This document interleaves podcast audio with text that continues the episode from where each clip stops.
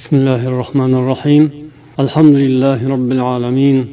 والصلاة والسلام على سيدنا محمد وعلى آله وأصحابه أجمعين. أما بعد.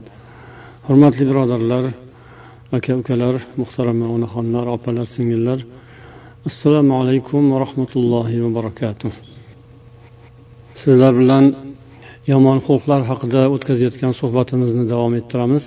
Bugun inshaalloh yana bir sifat haqida ya'ni ko'pgina yomon xislatlarga sabab bo'ladigan judayam ko'p yomon ishlarni kelib chiqishiga turtki beradigan bir tabiat yoki sifat haqida gaplashamiz. Buni ittibaul havo deb nomlanadi. Ya'ni o'zbek tilida havoga ergashish degani bo'ladi.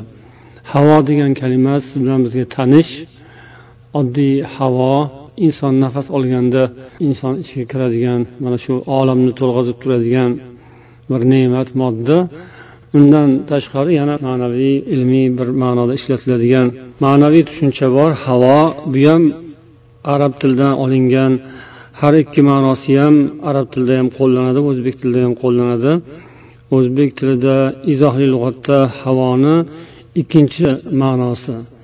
Ya'ni birinchi ma'nosi o'sha havo inson nafas oladigan havo. Ikkinchi ma'nosi esa kibr baland dimog'lik deb ma'no berishgan. Yana bir modda bor o'zbek tilining izohiy lug'atida havodor degan havodor degani o'sha havoli odam kibrli odam baland dimog'li odam degan ma'noda kelar ekan. Yana shu moddaning ichida birovning havosini olmoq degan ibora ham keltirilgan. Bu degani birovning zaif tomonlarini o'rganib o'zining gapiga kiradigan qilib olish degan ma'no. Bu demak aslida kelib chiqishi mana arab tilida biz buni ma'nolarini hozir ko'rib o'tamiz va mana o'zbek tilida ishlatilishini ham qay darajada o'rinli ekanligini ma'nolari qanday bir biriga bog'lanishini bilib olamiz inshaalloh. Demak al havo lug'atan. Birinchi o'rinda havoning lug'aviy ma'nosini o'rganamiz. Havo yahvi fe'lidan olingan tushmoq degani yoki qulamoq degani. Va yana al xulu ikki xil ma'noga dalolat qilar ekan. Tadullu alal xuluvi va suqut. Ya'ni xulu degani bo'shliq degani bo'shliqqa va qulashga dalolat qiladi. Yer bilan osmon o'rtasidagi havo ham mana shundan olingan. Chunki uning mana lug'aviy ma'nosiga bog'lanadigan jihati bo'shlig'i uchun. Havo demak bo'shliq ekanini bilamiz. Havo degani bo'shliq degan ma'noni bildirar ekan. Yer bilan osmon o'rtasi ham demak shunday bo'shliq. Va havo ay qulash. Ikkinchi ma'nosi tushish tepadan pastga tushish yoki qulash shuni ham havo yahviy deydi arab tilida. Al haviyatu jahannam. Mana shu o'zakdan olingan yana haviya degan kalima al haviya jahannamning nomlaridan biri. Jahannamga billah kofirlar munofiqlar va fosiqlar qulaydilar. Ular qulab tushadigan joy. Kafir fiha. Endi havo nafsga kelamiz. Nafsning havosi nima degani? Yuqorida o'tgan ikkita lug'aviy ma'nosining ikkoviga ham bog'lanadi. Har ikkisidan olingan. Nafs havosi deganda demak har ikki lug'aviy ma'nosiga bog'lanadi. Ay minal xuluvi va suqut. Ikkita ma'no nima dedik? Birinchisini o'zbek tilida tushmoq ikkinchisi bo'shliq. Demak suqut tushish qulash bu bitta ma'nosi. Ikkinchisi bo'shliq. Havo nafs deganda nafsning havosi deganda har ikkisiga ham bog'lanadi. Chunki nafsning havosiga berilish degani bu har qanday narsadan bo'sh degani? Bo'mbo'sh qalb yoki bo'mbo'sh aql bo'mbo'sh tushuncha bir ma'noli narsa yo'q. Uning ichida bir ma'no yo'q bo'lgan odam. Ya'ni aqlda yoki uning zehnida uning qalbida bir ma'no yo'q. Biror bir ma'naviy yaxshilikdan bexabar yoki mahrum holi bo'sh bo'mbo'sh qalb. endi ikkinchi ma'nosiga bog'lanadigan jihati ya'ni qulash tushish degan ma'nosiga bog'lanadigan jihati o'sha nafs havo insonni noloyiq martabaga manzilaga qulatadi tushirib yuboradi وذهب الراغب إلى أنه مأخوذ من معنى السقوط فقط rog'ib esa faqat suqut ma'nosidan olingan der ekanlar ya'ni insonni past maqomga tushirib qo'yadi oxiratda esa jahannamga tushiradi qulatadi degan ma'nosini olgan ekanlar demak uni ham buni ham e'tiborli jihati bor har ikkisi ham to'g'ri وقال ابن منظور وهوى النفس إرادتها ibn manzur endi havon nafsni ta'rif qiladilar lisanul arab kitobida havon nafs degani irodatuha uning irodasi istagi xohishi وقيل محبة الإنسان الشيء وغلبته على قلبه inson bir narsani yaxshi ko'rib qolishi va uning qalbida shu g'olib bo'lishi deb ta'rif berilgan ekan ya'ni havan nafs nafsning havosi degani shu qur'oni karimda alloh taolo aytgan agar inson nafsini havosidan qaytara olsa nafsni havodan qaytarsa noziyat surasida kelgan ya'ni bu ma'nosi nahaha an shahawatiha va ma tad'u ilayhi min ma'asillah. Inson o'z nafsini havosidan ya'ni shahvatlaridan istaklaridan ko'ngil mayllaridan qaytara olsa allohga gunoh bo'ladigan ma'siyatlardan tiya olsa uning oqibati nima bo'ladi? Albatta jannat o'sha uning mavosi ya'ni boradigan yeri haqiqiy vatani bo'ladi. Qachon endi havo haqida gapirilganda agar mutlaq qilib gapirilsa havo deb gapirilgan bo'lsa albatta u mazmun ma'noda kelar ekan.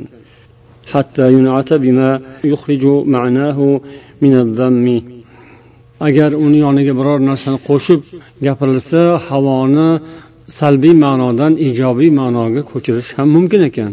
Ya'ni havo arab tilida faqat salbiy ma'noda emas balki ba'zan ijobiy ma'noda ham ishlatilar ekan. Bunda albatta yonida shu qo'shimchasi shunga ishora qiladigan so'z bo'lishi kerak. Agar qo'shimchasiz kelsa nimaga dalolat qilar ekan? Faqat yomonlikka dalolat qiladi. Havo degani mutlaq bitta havo kalimasini o'zi bilan ishlatiladigan bo'lsa doimo salbiy ma'noga dalolat qiladi. endi havoni biz hozir lug'aviy ma'nolar haqida gapirdik endi istilohiy ma'nosi uni demak ilmiy ta'rifda qanday hozir iste'molda qanday ishlatiladi al havo istilohan قال الكفوي الهوى ميل النفس إلى ما تستلذه من الشهوات من غير داعية الشرع kafaviy ta'rif beradilar havoga nafsning u yoqtiradigan lazzat oladigan shahvat bo'lsin boshqa narsalardan lazzat oladigan tomonga moyil bo'lishi shunga shar'iy bir doiy sabab ko'rsatmasdan shar'iy sababsiz moyil bo'lishi deb ta'rif berganlar endi munaviyning ta'riflarida qiyla al havo nuzu'un nafsi li sifali shahawatiha لباعث انبساطها ويكون ذلك في مقابلة معتل الروح bu kishi havo nafsning xuruji deydilar. Nafsning xuruji uning shahvatlariga tomon quyiga pastga qarab tubanlikka qarab harakatlanishi. Nafsni o'z erkiga berilib ketgani tufayli uni tubanlikka qarab intilishidir. Bu ruhni yuqoriga qarab intilishining muqobilida bo'ladi. Rog'ib esa qisqacha qilib nafsning shahvatga moyilligi deb ta'riflaganlar. Ibn javziy esa maylu tabi ila ma yulaimuhu. Tabiatni o'ziga yoqadigan narsaga moyil bo'lishi deganlar. Mana bir necha xil ta'riflarni ko'rdik. Hammasida ham inson nafsini o'z erkiga qo'yib berish inson nafsi istagan xohlagan yoqtirgan narsaga moyil bo'lishi shunga qarab ketib qolishini ittibaul havo deb aytilar ekan. Ya'ni havoga ergashish. Yoki havoning o'zining ma'nosi. Havo deganda mana shu ma'nolar nazarda tutilar ekan. Endi ittibaul havo degani shunga ergashish shuni aytganini qilish shuning ta'sirida shuning hukmi ostida harakat qilish degani. Uni istilohiy ma'nosi alohida berilgan ya'ni ittiboul havoni alohida ma'nosi istilohda shundayki huwa isaru mayrin nafsi ila shahwati wal inqiyadu laha fima tad'u ilayhi min ma'asillahi azza va jalla. Nafsning moyilligi nafsning istaklarini ustun qo'yish uni aytganini qilish. Nafs nimaga moyil bo'layotgan bo'lsa shahvatga yoki xohish istaklarga o'shani ustun qo'yish o'shani aytganini qilish shunga bo'ysunish alloh taologa gunoh bo'ladigan tarzda nafsga bo'ysunish nafsning xohishlariga ergashish deb aytilar ekan. Arab tilida nima dedik shuni? Ittibaul havo dedik. Havoga ergashish. Ahlul ahvo ya'ni havo egalari degan ta'rif ham keladi kitoblarda. Ahlul ahvo degani ha nafs havosiga berilib ketgan va shunday qilib bir toifa guruhlarga aylanib qolgan. Bularni ahlul ahvo degan deyiladi. Bular kimlar? Hum ahlul qiblati allazina la yakunu mu'taqada ahli sunna bular ahli qiblalar. Ya'ni qiblani tan oladiganlar musulmon degan nomlari bor lekin ularning e'tiqodlari ahli sunna e'tiqodi emas. Ahli sunna e'tiqodidan boshqa e'tiqod egalari ya'ni adashgan toifalarni ismini demak nima der ekanmiz ahlul ahvo derkanmiz. bular kimlar? Bularga misol al jabriya val qadariya al ravofid al muattila val mushabbiha va g'ayri zalik. Va kullu minhum isnata ashra firqa. Ularni har birida yana o'n ikkitadan toifalar bor. Bu al ahvo ya'ni havo bilan yo'l tutib ketgan odamlar va dinda shunday firqa paydo qilgan o'zicha guruh bo'lib olgan toifa adashgan zalolatga ketgan toifalar.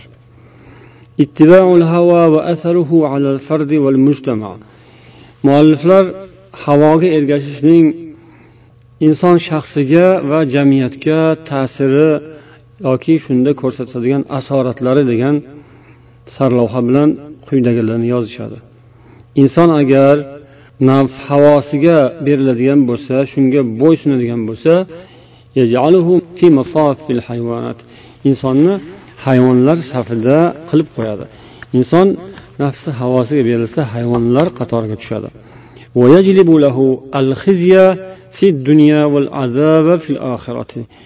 bu odamga dunyoda xorlik va oxiratda azoblarni olib keladi.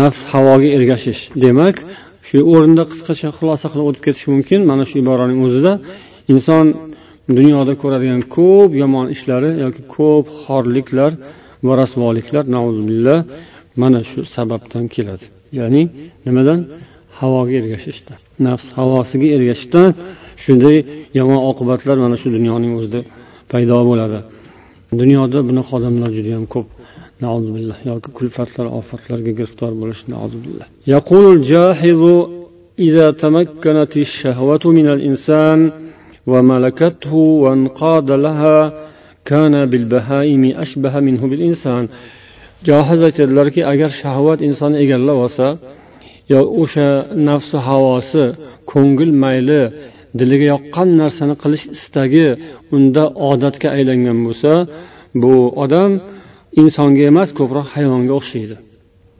لأن أغراضه ومطلوباته وهمته تصير أبدا مصروفة إلى الشهوات واللذات فقط chunki hayvonning bu dunyoda mavjud bo'lishi uning hamma harakati doimiy maqsadi shu o'zining shahvati va lazzatlari ketidan yugurishdan iborat bo'ladi وهذه هي عادة البهائم ومن يكون بهذه الصفة يقل حياؤه kim agar mana shunday sifatga giriftor bo'lgan bo'lsa uning hayosi kamayib ketadi yoki yo'qoladi hayosiz bo'lib qoladi. Billah uni buzuq ishlari xato ishlari yomon ishlari ko'payadi. Ahli fazllardan begonasiday boshlaydi. Ahli fazl degani fazilat sohiblari yaxshi xulq sohiblari yaxshilik bilan nom chiqargan odamlar degani bo'ladi.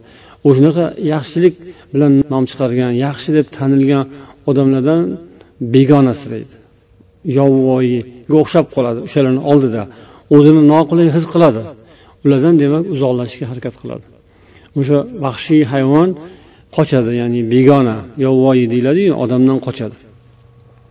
Shunday havosiga berilgan odam yaxshi odamlardan begona begonasiraydi o'zini noqulay his qiladi ulardan qochadi. Va ilm ahli ilmlarni yomon ko'radi. Chunki ahli ilm uni nazarida dushman edi. Uni shu ko'nglida yoqib turgan u intilib yugurib shuni ketidan ketayotgan narsani ko'radiganlar ahli ilmlar o'shalar ko'radi o'shalar bilib qoladi buni dushmanidek bo'lib qoladi. Shuning uchun ularni yomon ko'radi. Ular gapiradi amr ma'ruf qiladi qaytaradi biladigan odamlar. Yoki o'sha yaxshi musulmonlar taqvoli solih insonlar ham uni dushmaniga aylanadi uni nazarida.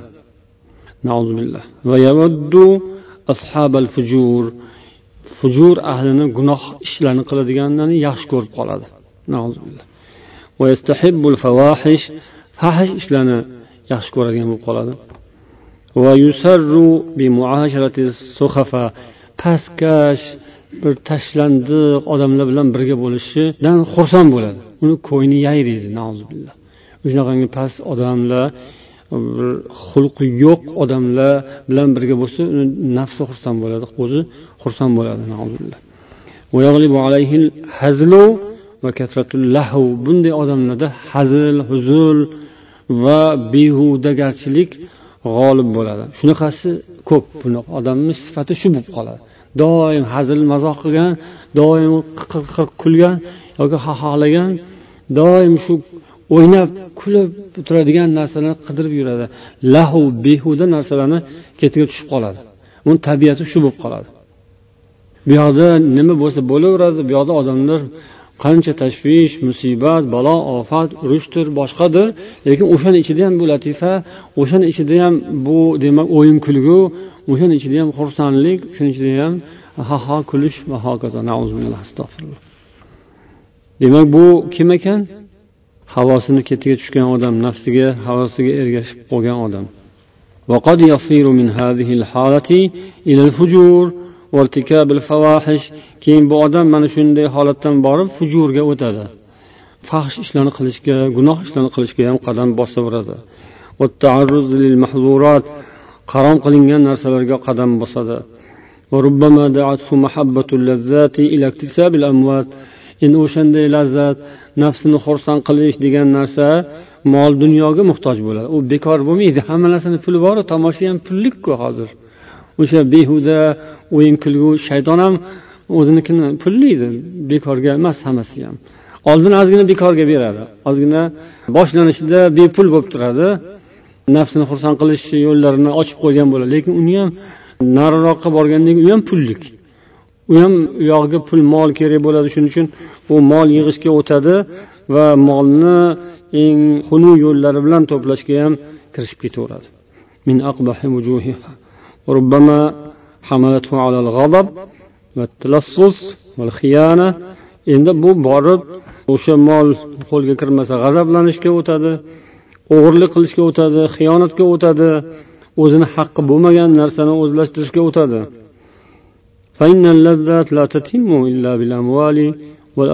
chunki bu nafsni xursand qilish nafsni aytgani qilish uchun mol kerak narsa kerak mol dunyo va narsa matoga muhtoj bo'ladi o'shani qo'lga kiritish uchun u odam shu yomonlikka qadam bosadi فمحب اللذة إذا تعذرت عليه الأموال من وجوهها جسرته شهوته إلى اكتساب من غير وجوهها demak mol dunyo topish qiyin bo'lib qolganda uni o'sha xohishi istagi yomonlikka olib kirib ketaveradi. U eng xunu yomon odam. Bu keyin yomonligidan odamlar qo'rqadigan odamga aylanib qoladi. Uni yomonligi ma'lum bo'lib qoladi tanilib qoladi va odamlar undan o'zlarini ehtiyot qilishga boshlashadi. متولي السياسات تقويمهم وتأديبهم siyosat egalariga bunday odamlarni tuzatish to'g'irlash yo'lga solish ta'dib berish ta'zir odob berish vojib bo'ladi ya'ni rahbarlarning zimmasidagi vazifa bunday odamlarni yo'lga solish kerak ularni chegarasini ko'rsatib qo'yish kerak agar uning ilojini qilolmasalar ularni uzoqlashtirish surgun qilish xalqdan uzib chetlatish kerak unday odamlarni odamlarga aralashmasin.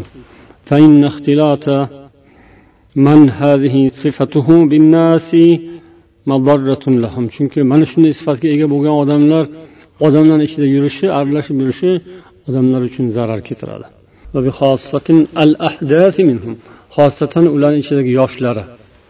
Chunki ular sariul intibo tez ta'sirlanadi va uning nafsi shahvatlarga moyil bo'ladi uning nafsi kuchli bo'ladi.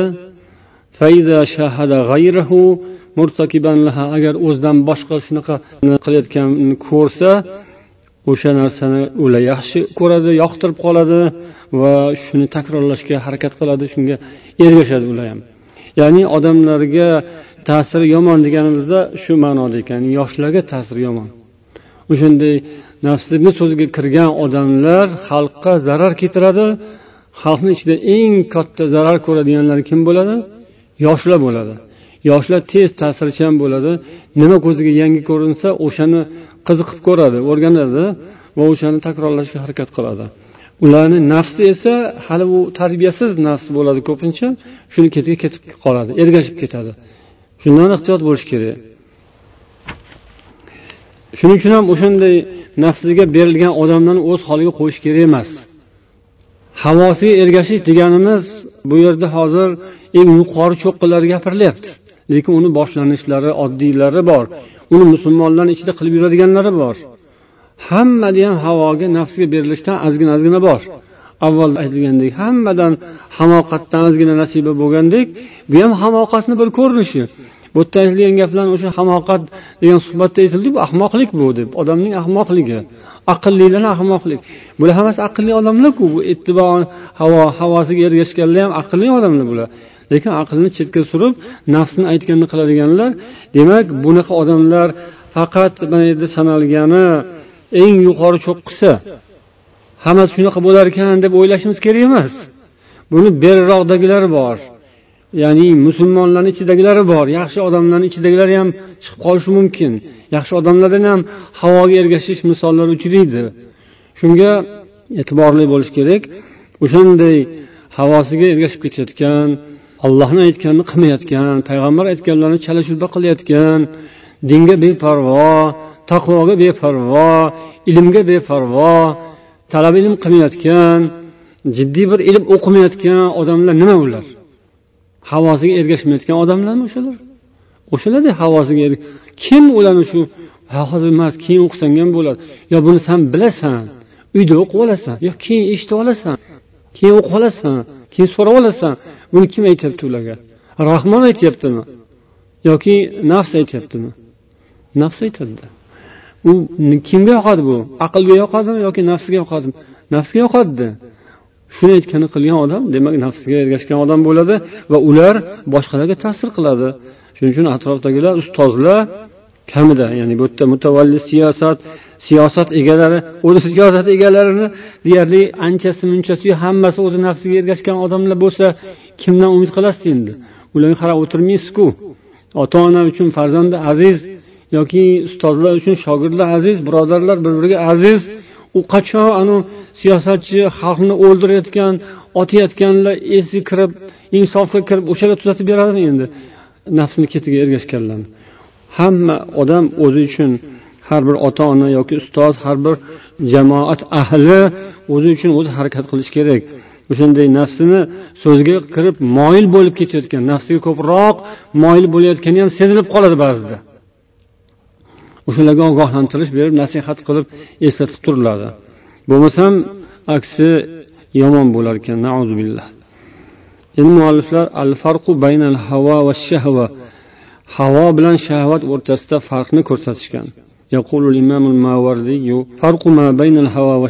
U kishi ya'ni imom mavardiy havo bilan shahvat o'rtasidagi farqni ko'rsatib aytadilarki havo muxtasun bil havo ko'proq insonni e'tiqodi fikrlariga bog'liq bo'ladi. Shu narsalarga taalluqli bo'ladi.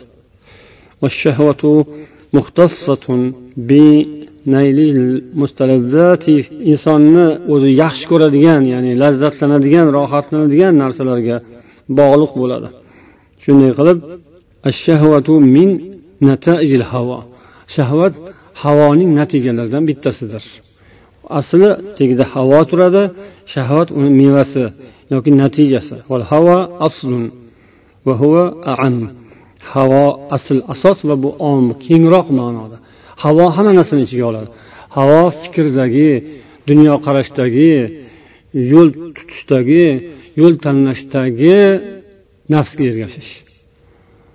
Bu ham ko'p nafsi tor ma'nodagi nafsini so'ziga kirib ketish bu ham ko'p lekin hammasini o'zini ichiga oladigan ibora nima ekan havo قال الراغب في الفرق بين الهوى والشهوة أن الشهوة ضربان راغب ham o'zlarini bu boradagi fikrlarini bayon qiladilar shahvat ikki qism bo'ladi deydilar mahmudatan va mazmuma maqtaladigan oqlanadigan va qoralanadigan bo'ladi وذلك أن الفكرة بين العقل والشهوة. keyin bu kishi aql fikr shahvatni shunday bir tartibini keltirganlar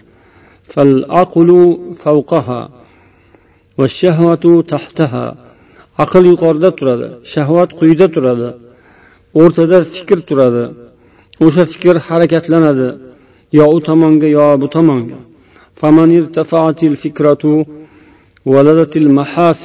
kimning fikri taraqqiy topib yuqoriga ko'tarilsa undan yaxshiliklar tug'iladi. Yaxshi narsalar paydo bo'ladi. Kimning fikri pastga qarab harakatlanadigan bo'lsa qaboih qubuh qabih yaramas yomon narsalar tug'iladi. Pastga qarab harakatlansa ya'ni fikr shahvat bilan qo'shilsa nafsning istaklari bilan qo'shilsa undan yomon narsa tug'iladi. O'sha nafsning istaklariga ham fikr kerakda. Ya'ni aqli ishlamaydigan fikr ishlamaydigan billah yomon narsaku ya'ni aqlan ruhan ojiz bo'lsa undan u yomon narsalar ham sodir bo'lmaydi. O'sha fikr aql ishlab turib aql bilan qo'shilib ya'ni tafakkur aql birga bo'ladigan bo'lsa undan yaxshilik paydo bo'ladi.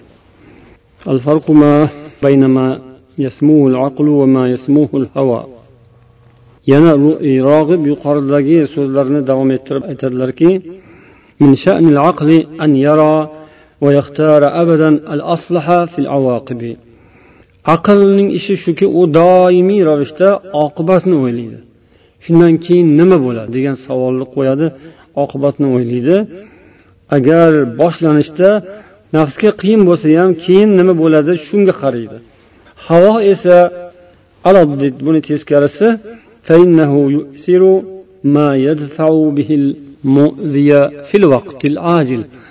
nafs esa hozir naqdi oyog'ini tagida o'sha aziyat beradigan narsani daf qilishni o'ylaydi. Hozir zarar yetkazmasin hozir og'ritmasin hozir yoqmaydigan ish bo'lmasin hozir faqat aql esa nima der keyinni o'ylaydi ajilni o'ylaydi. Nafs ajilni o'ylaydi. Ajil keyin keladigan ajil tez keladigan hozir. Kelajakda unga zararlar olib kelsa ham mayli uni o'ylamaydi nafs. Hozir o'ylaydi. Endi yosh bolani holatiga o'xshaydiyu. Ukol qilaman desa dod deydi dori desa voy deydi mana uni ish desa yo'q deydi. Chunki hozir yoqmaydida ota onasi u aqlni ishlatib ish qilyapti. Keyin yaxshi bo'lib qolasan. Yo'q.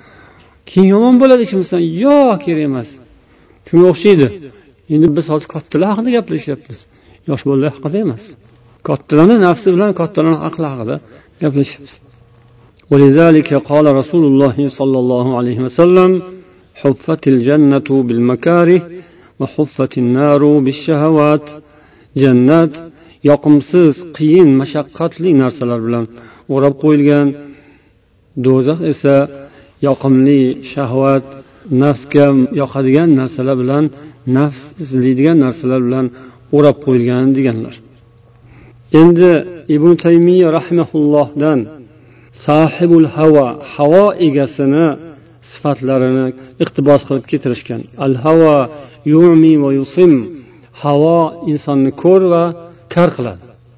Havoga mubtalo bo'lgan odam ko'r va kar bo'ladi ya'ni ma'naviy ma'noda ko'zi ochiq ko'rmaydi qulog'i ochiq eshitmaydi فلا يستحضر ما لله ورسوله في الأمر ولا يطلبه أصلا bir ishni ustida olloh nima deydi payg'ambar nima deydilar buni esga keltirmaydi o'ylamaydi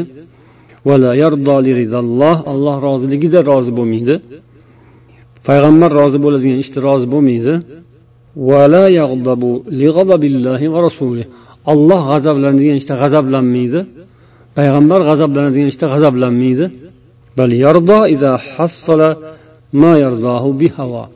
Havosi yaxshi ko'radigan narsani hosil qilsa rozi bo'ladi tinchlanadi. Havosi yomon ko'rib turgan narsa agar hosil bo'lsa shunda g'azab qiladi uning qasdi niyati dinning hammasi olloh uchun bo'lishi emas. Unaqa niyat yo'q. Shunaqa odamlar ko'p bo'ladi. Allohning kalimasi u oliy bo'lishini u niyati bo'lmaydi. Unaqa maqsad yo'q.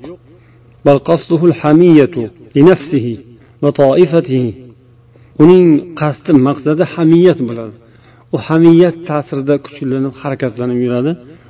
O'zi uchun va toifasi uchun. Hamiyat degani nafsoniyat degani ya'ni nafsoniyatiga tegib ketdi hamiyatiga tegib ketdi deydiyu o'sha hamiyat uni harakatlantiradi. Ya'ni bu nafs degani. O'zi uchun va toifasi uchun. O'ziga bir narsa bo'lganda g'azabga keladi oilasiga yoki toifasiga jamoasiga bir gap yoki o'zini urug'iga bir gap bo'lsa o'shanda g'azabi keladi. Avi riyo yoki unda riyo bo'ladi. U riyo bilan harakat qiladi. Yoki u hurmatlanishi uchun ulug' inson sifatida ko'tar ko'tar qilib ta'zim bajo qilib turilishi uchun yashaydi. Maqsadi shu. Yoki dunyodan bir g'araz uchun. Demak olloh uchun hech qachon g'azablanmaydi. dinga ollohga payg'ambarga islomga biron bir zarar yetayotgan bo'lsa u ichida achchiqlanmaydi. Qalbida hech qachon u og'rinmaydi u hech qachon olloh yo'lida jihod qilmaydi u.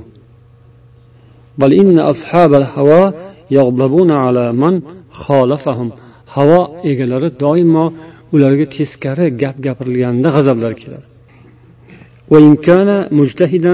Ma'zuran la yug'zibulloh alayh. O'sha ularning xohishiga ularni istagi yaxshi ko'rgan narsasiga qarshi gapirgan odam agar ollohni g'azablantirmaydigan gapni gapirayotgan bo'lsa ham bular g'azablanadi.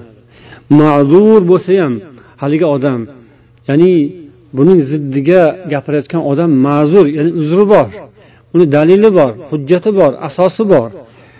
O'shani gapirayotgan gapi ollohni g'azabini keltiradi deb bo'lmaydi. Chunki u to'g'rini gapiryapti.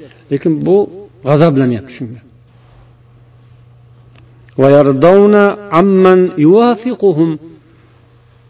o'shanday odamlar sifatlari shunaqaki ularni gaplarini ma'qullasa o'shandan rozi bo'lishadi. O'shandan xursand bo'lishadi. Agar u gapiradigan odam johil bo'lsa ham al qasd maqsadi buzuq bo'lsa ham. Maqsadi buzuq yomon niyat bilan lekin buni gapini ma'qullab tursa bo'ldi. Shu yoqadi unga shundan rozi bo'ladi. Uni ilmi bo'lmasa ham yaxshi niyati bo'lmasa ham.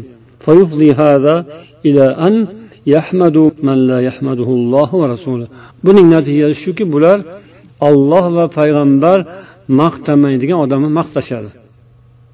Va olloh va payg'ambar yomonlamaydigan odamni yomonlashadi ahli ahvoning ahvoli shu sifatlari وتصير موالاتهم ومعاداتهم على أهواء أنفسهم ularning do'stligi ham dushmanligi ham nafs xohishiga qarab bo'ladi nafslari ko'ngillariga yoqadigan gapni yoki ishni qilayotgan odam do'st nafslariga ko'ngillariga yoqmayotgan gapni gapirgan odam dushman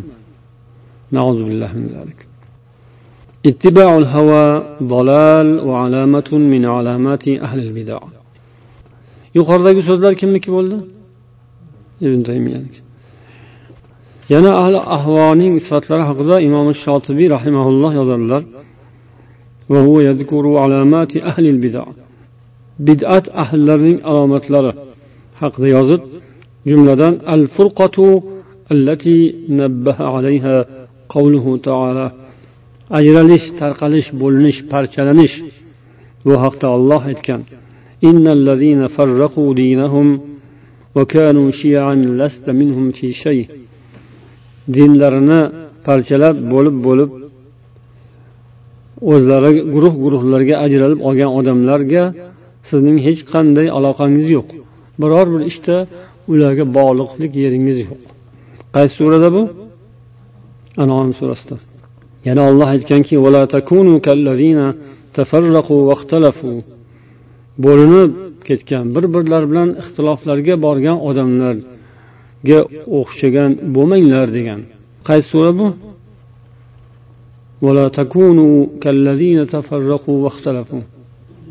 Imron demak havosiga ergashgan odamlarning sifatlaridan biri ixtilof va bo'linish. Ajralish uzilish teskari bo'lish bir biriga havoga ergashishning natijasidan keladi ana shunday bo'lib yurgan odamlar havoga ergashgan odamlar deb aytiladi. Ular o'zini har qancha maqtab ko'rsatsa ham har qancha ilmli qilib har qancha taqvoli qilib har qancha aqlli zo'r ishlarni qilayotgan qilib ko'rsatsa ham bo'linib ketganmi bo'linishga sabab bo'lyaptimi? Demak bu havoga ergashishdan keladi. Mana shu oyatning tafsirida yozishadiki ular o'zlarining havolariga ergashganlari uchun firqalarga aylandilar va dinni bo'lib yubordilar. Keyin alloh taolo ulardan bezor ekanligini e'lon qildi. O'zining payg'ambarini ulardan pokladi siz ulardan emassiz dedi. Keyin sahobalar ham ixtilof qilganlarini zikr qiladilar imom shotibiy lekin ular ixtilof qilgan bo'lsalar ham tafriqiga bormadilar. Ixtilofu valam yatafarraqu. Mana buni ham esimizda saqlab qolishimiz kerak. Ixtilof bo'ladi iloji yo'q lekin tafriqa bo'lishi kerak emas. Ixtilof bo'lishi kerak tafriqa bo'lishi kerak emas. Sahobalarda shunday bo'lgan ixtilof bo'lgan tortishishgan lekin bo'linib ketishmagan. Teskari bo'lib ketishmagan uzilib ketishmagan guruhlarga ajralib yuborishmagan. Sizlar anaqa guruh sizlar madinaliklar sizlar makkadan kelganlar sizlar makkaliklar biza madinaliklar deb bunday mahalliychilik ustiga narsa qurilmagan. Bo'lsa ham u faqat ijobiy ma'noda bo'lgan. Ansoriy va muhojirlar degan nomlari faqat bir birlariga nisbatan do'stlik bu islomga quvvat uchun bo'lgan. Ixtilof bo'lgan lekin tafriqa bo'lmagan.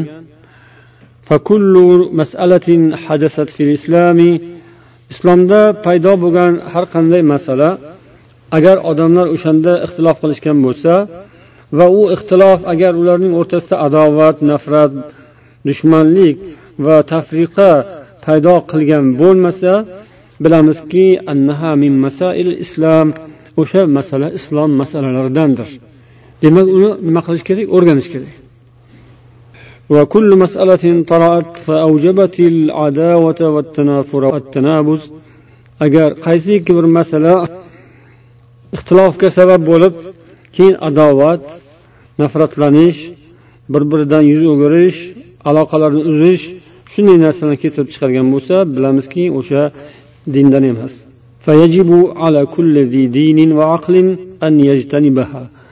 demak aql egasi din egasi har bir aqlli va dindor odam o'shanday masaladan uzoq bo'lishi kerak agar odamlar musulmonlar ixtilof qilsalar bir birlaridan uzilib ketsalar bu nafs havolariga ergashganlari ekani alomati shu bo'ladi ittibaul havo وهي التي نبه عليها قوله تعالى فأما الذين في قلوبهم زائغ yana imom shotibiy aytadilarki ittibaul havo olloh mana bu oyatda ishora qilgan narsani ko'rsatadi.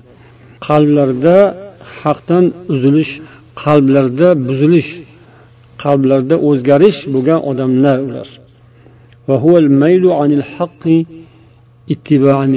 Bu haqdan yuz o'girib haqdan teskariga burilib ketish bo'ladi. Bu havoga ergashish tufayli. Yana olloh aytgan ollohdan biror bir hidoyatsiz ko'rsatmasiz havosiga ergashgan odamdan ham ko'ra adashganroq kim bor? degan. Qaysi sura bu? Qasos surasi rahmat mana shu oyatni yodlab olish kerak. Hammamiz yodlab olishimiz kerak.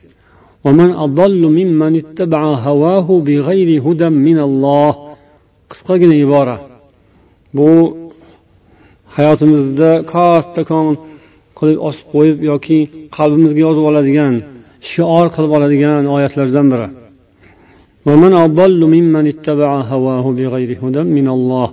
Ollohdan biror bir hidoyat ko'rsatma bo'lmasdan o'zining nafsiga havosiga ergashib ketgan odamdan ham ko'ra adashganroq kim bor? Hech kim yo'q.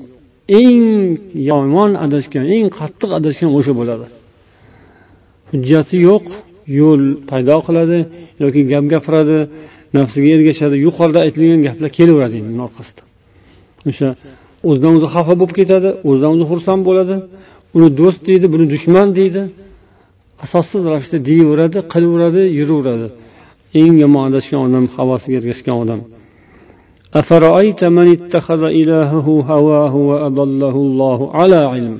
Mana bu ham.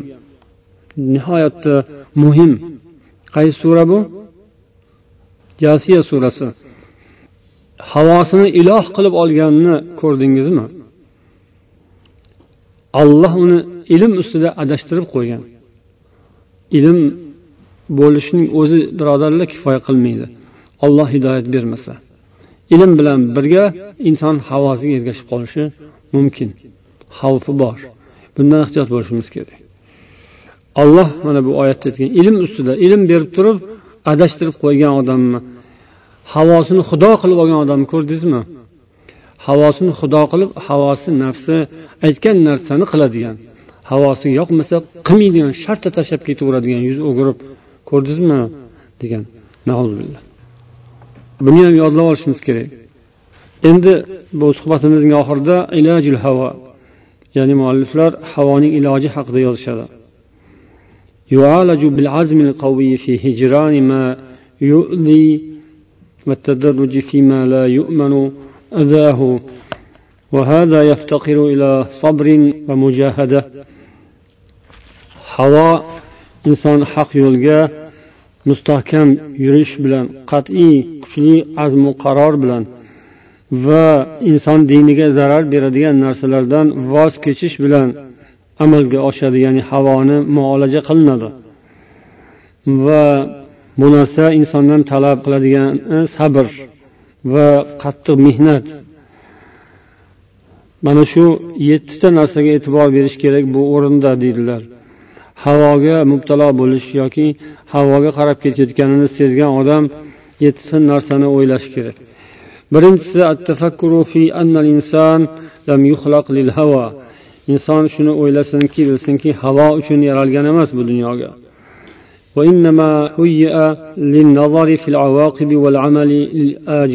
Inson hamma narsani oqibati nima bilan tugaydi keyin nima bo'ladi shunga e'tibor berishi uchun bu dunyoga kelgan. O'sha keyin keladigan narsa uchun amal qilish lozim.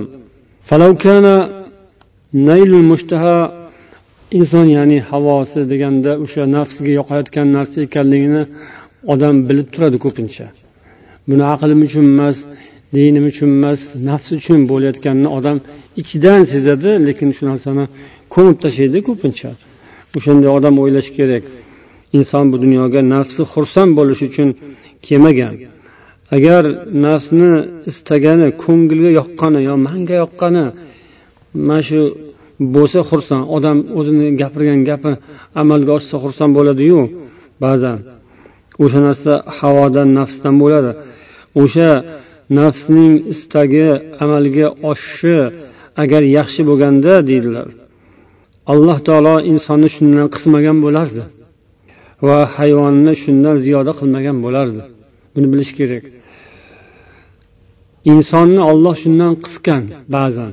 Insonni nafsi xohlagan narsa bo'lavermaydi hayvonnikiga o'xshab? To'g'rimi? Kimning nafsini aytgani ko'proq amalga oshadiyu kimniki amalga oshmaydi. Hayvon bilan insonni taqqoslaganda. Ha insonniki ko'proq qolib ketadi. Hayvonniki ko'proq oshadi. Hayvonniki deyarli doim oshadi. U har kuni oshadi. Hayvonning maqsadi amalga oshadi. Lekin insonniki unaqa emas. Shuni o'ylasin. Ya'ni agar shu nafsi aytgan narsa amalga oshishi qo'lga kiritilishi bu fazilat bo'lganda bu yaxshilik bo'lganda alloh taolo insonni shundan qismagan bo'lardi.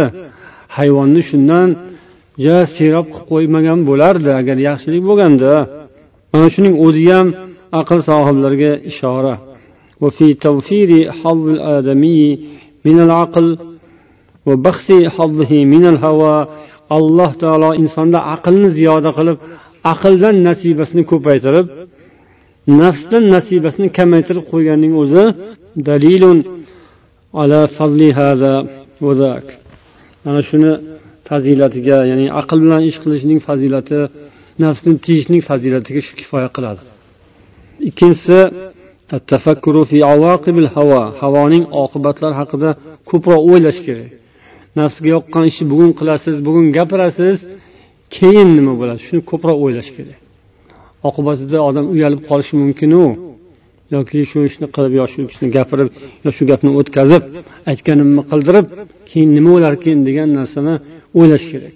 Ba'zi odam o'ylamaydi hozir aytganini qildirib olsa bo'ldi keyin nima balo bo'lib ketsa ham yana u yog'iga betini qattiq qilib turaveradi. Boshqa gapni chiqaraveradi. Bu aqlsiz odamning ishida. Demak oqibatni o'ylash kerak ko'proq.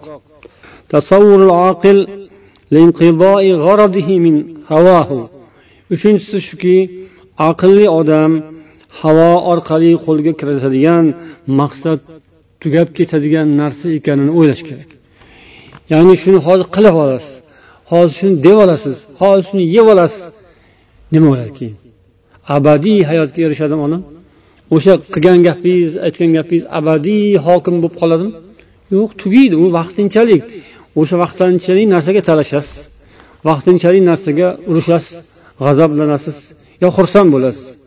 U tugaydiku keyin. Shuni o'ylash kerak. Havo nafs yoqtirgan narsa tugaydigan narsa tamom bo'ladigan narsa ekanini o'ylang.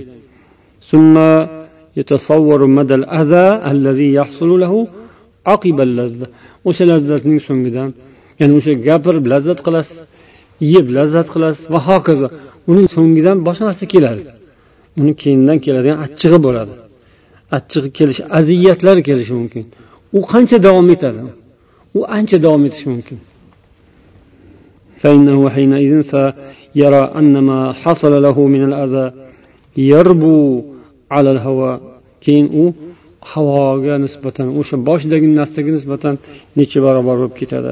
Shuni o'ylang. Nechta bo'ldi? To'rtinchisi oqibati fi haqqi g'ayrihi. Buni ham o'ylang.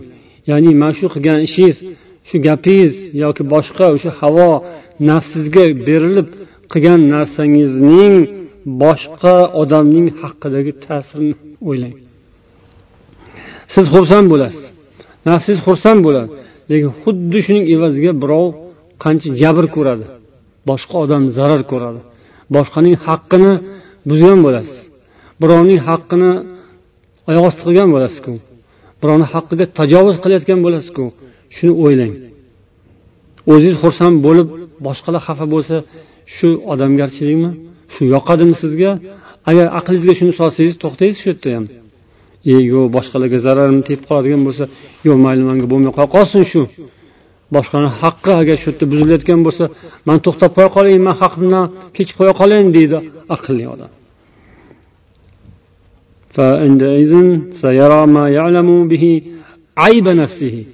Agar shuni o'ylasa odam o'zini nafsining aybini ko'radi. Man shunaqa pastkash aybli odammanmi? Birovni haqqini oyoq osti qilib nafsimni aytganini qilyapsam deydi إن هو وقف في ذلك المقام وارتكس في هذه الأحسان بشنس التفكر في حقيقة ما يناله باتباع هواه من اللذات والشهوات فإن العقل سيخبره أنه ليس بشيء mana shu qo'lga kiritayotgan narsaning haqiqatini ham o'ylab ko'ring deydi o'zi haqiqati nima o'sha narsa haqiqati o'tkinchi narsa ya'ni narsaga deb arzimaydigan narsa o'zi oltinchisi inson agar nafsiga g'olib bo'lib o'ziga o'shani qo'liga kiritib olsa o'zi molik bo'lsa g'oliblik azizligi bor g'alaba izzati bor. Insonda shu g'oliblik shu narsani man qo'lga kiritib o'zimni o'zim qo'limga olib shuni ustidan so'zimni o'tkazdima degan bir yaxshi hissiyot bor. Ko'ngilda qalbda bir xursandlik keladi keyin. Odam o'ziga o'zi taskin beradi orom oladi azizlik g'oliblik his qiladi. Azizlik ya'ni xorlik emas uni ziddi. Xorlikning ziddi azizlik yuqori maqomda ekanini odam his qiladi. Va agar shu nafs unga g'olib kelsa uning xorligi bor. O'sha ishi bitadi haligi gapirgan gapi amalga oshadi nohaq gapni nohaq talab qilayotgan bo'lsa. Yoki odamlarga uncha bo'lmayotgan narsa. Yoki nohaq ishni talashib tortishib qilmoqchi qiladi shundan keyin xorlikni seza boshlaydi o'zi. Odamlar unga yengiladi u yengib chiqadi u nafsi yengib chiqadi. Aytganini qilib oladi deb oladi. Va hokazo keyin o'zi aqli aytadi san xor bo'lding endi deydi. O'sha yerda nafsning aytganini qilib amalga oshirish bilan birga inson xorlik ruhini seza boshlaydi. Nima bo'ldi shu? Yaxshi bo'ldimi? Shunaqa qilib uni xafa qilib buni g'azabga solib boshqa qilib san xursand bo'lib nafs xohlagan istagan narsani qilish bilan inson nafsiga mag'lublik paydo bo'lgan bo'ladi o'sha mag'lubiyatni his qilib xorlik his qila boshlaydi. Ya'ni o'sha nohaq yo'l bilan qo'lga kiritgan narsa nohaq gapni gapirgan shuni amalga oshirgan qildirgan yo qilgan yo yegan ichgan o'sha nafs ta'sirida qilgan ish qilib bo'lgandan keyin aql ishlaydi baribir o'shanda afsus nadomat haligi odam o'zini nafsiga yengilganini bilib xorlik azobini tortadi. Shuni oldindan o'ylash kerak deydilar. oltinchi nuqtada shuni o'ylash insonni havoga ergashishdan nima qiladi saqlaydi to'xtatadi yettinchisi التفكر في فائدة مخالفة الهوى من اكتساب الذكر الجميل في الدنيا وسلامة النفس والعرض والأجر في الآخرة yana shu narsani inson o'ylashi kerakki havosiga zid ish tutgan odam yaxshi nom qozonadi Bu dunyoda nomi chiroyli bo'ladi. Uning zikri yaxshi bo'ladi odamlarni tilida. Ha nafsini tiygan odam. Ha o'zini qo'lga olgan odam. Ha iffatini saqlagan odam. Istab turgan bo'lsa ham odam nafsiga yoqadi o'sha narsa. Qilgisi keladi olgisi keladi. Va hokazo. Uni odamlar ham ko'radi biladi. Uni maloikalar ham ko'radi biladi. Va buning haqida yaxshi azzikrul jamil bo'ladi. Ya'ni ha yaxshi o'zini yaxshi saqlab o'zini yaxshi tiyib nafsini so'ziga kirmasdan u har xil narsa bo'lishi mumkin endi. Dunyoda hamma narsa bo'lishi ham mumkin. O'shalarga berilmasdan aldanmasdan o'zini saqlagan odam degan zikrul jamil yaxshi odamlarning tilidagi yaxshi so'z. Iymon ahli islom ahlining yaxshi so'ziga musharraf bo'lish bu ham baxt. Bu ham oxiratdagi yaxshilikni alomati dunyodagi. Yaxshi so'zga yaxshi ta'rifga musharraf bo'lish. Riyo uchun emas. Olloh huzurida guvohlik uchun. Bu dunyoda ba'zi odamlar riyo uchun shunaqa gap kesdan yuguradi. O'zini taqvodor qilib ko'rsatadi amalli qilib ko'rsatadi. Odamlar taqvodor ekan desin deb yoki odamlar yaxshi ekan desin deb o'zini ko'rsatish boshqa. Lekin shu so'z ollohni huzurida guvohlikka o'tsin degan maqsad niyat boshqa o'shanday yaxshilikka erishadi inson shuni o'ylasa oldindan foyda beradi bunga va oxiratda ajr salomatun nafs nafsni obro'sini oxiratdagi salomatligi qiyomatdagi xorlikdan salomat bo'lishi ثم يعكس فيتفكر لو وافق هواه في حصول عكس ذلك على الأبد shu bilan birga yana odam tafakkur qiladiki agar shu narsani qilganimda bormi? Agar shuni olganimda bormi? Agar shu yo'lga qadam bosganimda bormi? Agar mana shu narsani amalga oshirganda nima bo'lardi? Bu narsani ham o'ylab inson o'ziga yaxshi bir hissiyotlarni paydo qiladi. Bu o'rinda misol keltirgan ekanlar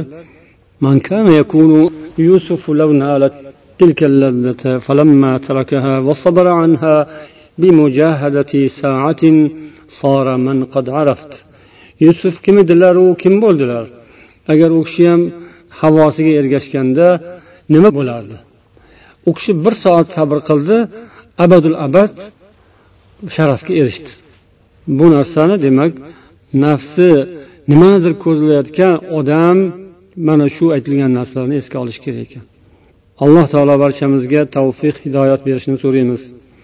Nafsiga ergashib ketadigan havosini aytganini qilishga o'rganib qoladigan odamlardan olloh saqlasin.